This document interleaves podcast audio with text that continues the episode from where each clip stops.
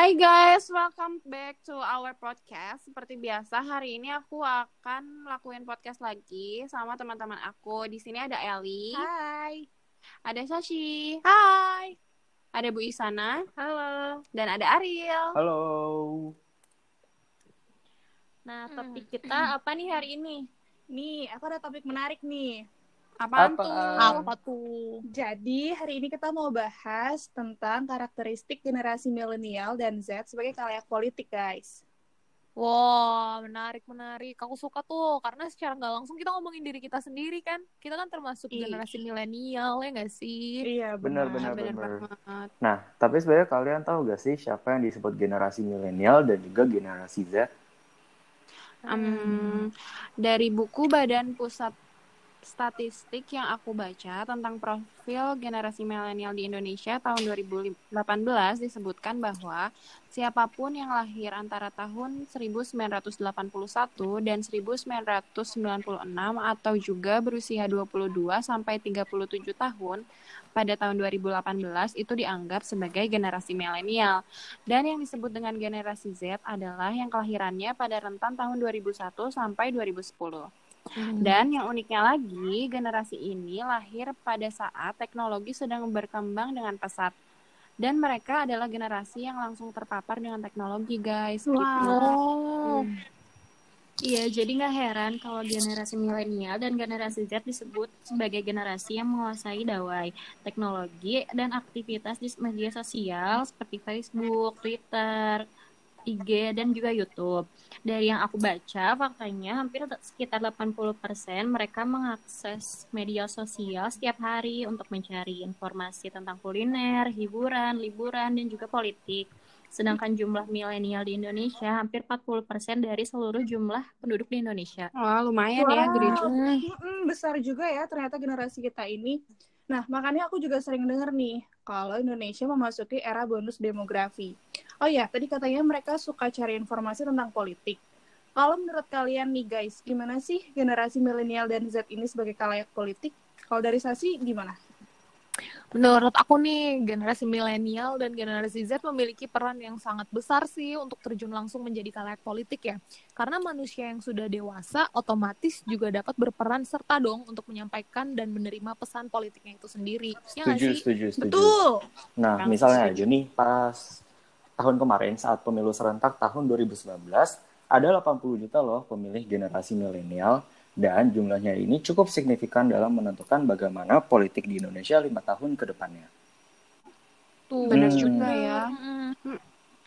Terus juga karena generasi milenial aktif dengan media sosial, maka mereka juga berperan memberikan kontribusi langsung dalam mempengaruhi respon pemerintah secara langsung dan memutus panjangnya rantai birokrasi. Namun, kembali lagi, karena semua orang dapat menyampaikan aspirasi dan pesan politik, tidak lantas apa yang tersedia di internet semuanya akurat. Iya Jadi sih. generasi ini sebenarnya bisa menjadi halayak yang positif dan, dan juga negatif di bidang politik. Kayak misalkan aku suka banget sama Ridwan Kamil. Karena menurut aku dia itu transparan banget dalam menyampaikan pesan politiknya.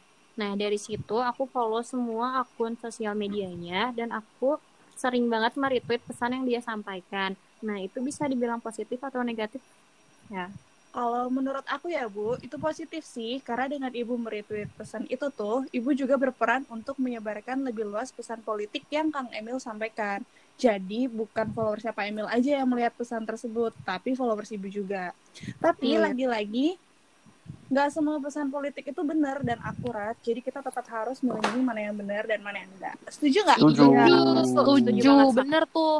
Kalau pesan yang aku retweet salah kan jatuhnya aku menjadi kalayak politik yang negatif ya. Dan pesan Iya. yang salah tersebut juga akan semakin tersebar dengan peran aku membantu retweet secara followers aku 4 Waduh, Ya, influencer. Gila sih kalau kamu sampai salah, kamu adalah halayak yang sangat negatif.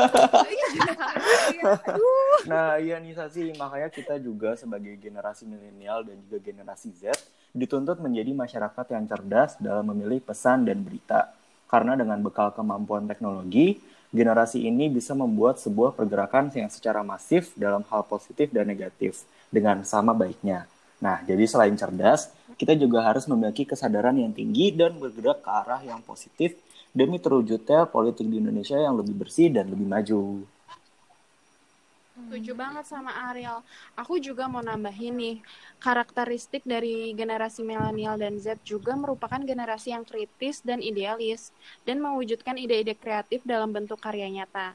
Nih, sebagai contoh, aku ngeliat banyak banget generasi milenial dan generasi Z yang berperan aktif membantu pemerintah dalam penyampaian pesan mengenai penanganan dan pencegahan penyebaran virus COVID-19 ini, guys. Oh iya ya. Iya, bener banget. Kemarin aku nonton ada penggalangan dana bareng para musisi muda gitu lewat konser di rumah. Itu bagus banget idenya. Selain peran generasi milenial dan Z, sangat penting di saat seperti ini. Ide-ide yang cemerlang juga sangat mencengangkan. Iya, bener banget. Iya, itu iya. keren banget Hmm, sih. aku juga nonton ya. tuh. Wah, gila sih emang. Pecah, pecah, pecah, Nah, pecah. Aku juga nonton. Pecah sih. Aku juga nonton tuh acara yang dibuat eh, sama Najwa dan lihat banget pesan yang disampaikan di medsos mengenai akan diadakannya penggalangan dana lewat konser di rumah. Dan ternyata setelah direalisasikan jumlah dana yang terkumpul ternyata besar banget dan gak diduga loh. Iya, Iya, bener. Iya. Terus terus terus juga ada selebgram yang masih berusia 24 tahun, guys. Kita-kita ini Rachel Fenya parah banget. yang dalam waktu dua hari mengumpulkan penggalangan dana dalam tolong menolong lawan COVID-19 sebesar 3,6 M dalam dua hari gila. guys. Gila. Super Terus banget. dalam waktu empat hari dapat mengumpulkan hampir 7 M. Ah, Astaga. gila, gila. Gila, Coba keren kalian bayangin kalau generasi Uh-uh. milenial dan Z ini yang ikut peran serta mungkin belum tentu bisa mengumpulkan uang sebanyak itu. Kalaupun bisa, mungkin butuh waktu yang lama. Ah, betul banget. Bener Generasi banget. kita-kita ini, Itu hmm? itu bantuan eh, teknologi benar, juga ya. benar, benar, sebenarnya. benar, Iya. Iya, benar. Jadi generasi kita-kita ini hendaknya menjadi kalayak politik yang menjalankan perannya dengan baik. Ah, nggak usah melakukan hal-hal yang langsung besar gitu, nggak apa-apa juga. Dengan peran yang kecil tetapi dampaknya tetap besar. Dan yang mau aku bilang ini juga bahwa pemerintah saat ini sangat membutuhkan peran generasi milenial dan generasi Z di saat-saat seperti ini.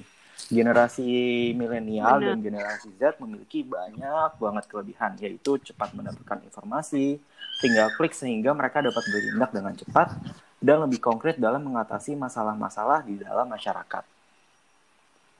Benar banget. Betul. Jadi kita doakan pemerintah dan seluruh rakyat Indonesia agar terlindungi dari wabah COVID-19 ini dan agar segera berlalu.